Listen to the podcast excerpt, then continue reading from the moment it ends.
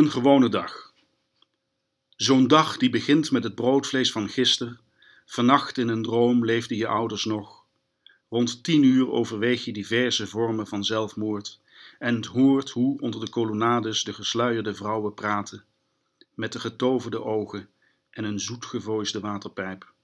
Men kan zich natuurlijk een klein beetje geil wandelen. De vaalgrijze bibliotheek van Paddington is alvast warm gestookt je denkt aan je lief in het land waar je woonde en hoe ze met twee mannen zou of in het openbaar vervoer of speciaal voor jou in glanzend strak. Vannacht zul je weer van je ouders dromen. Je moet ze tegen iets beschermen, maar weet niet wat.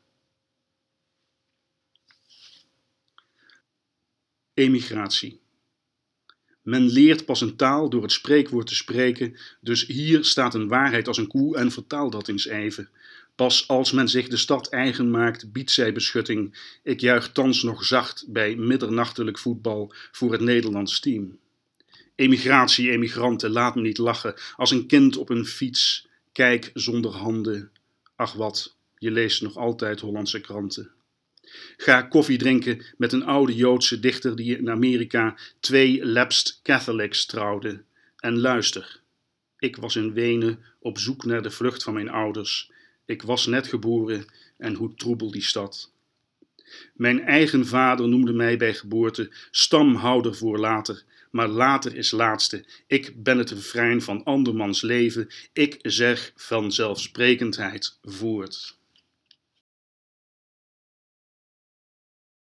Aan de overkant van het water. Laten we bij het begin beginnen. Het woord vlees is hier een stuk schaarser geworden vanwege mijn half vegetarische gastvrouw. Ergens in de ruimte leest men mijn grenzeloze sms'jes.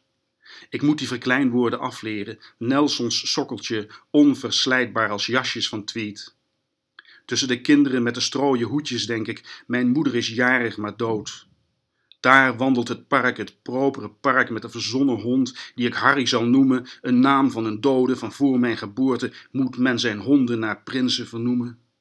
En s'nachts bij zwart licht sms ik op verzoek verschillende manieren van neuken als sport. Ik herhaal woorden als exercities. Mijn pik is mijn god, maar nu ik je toch spreek, laten we bij het begin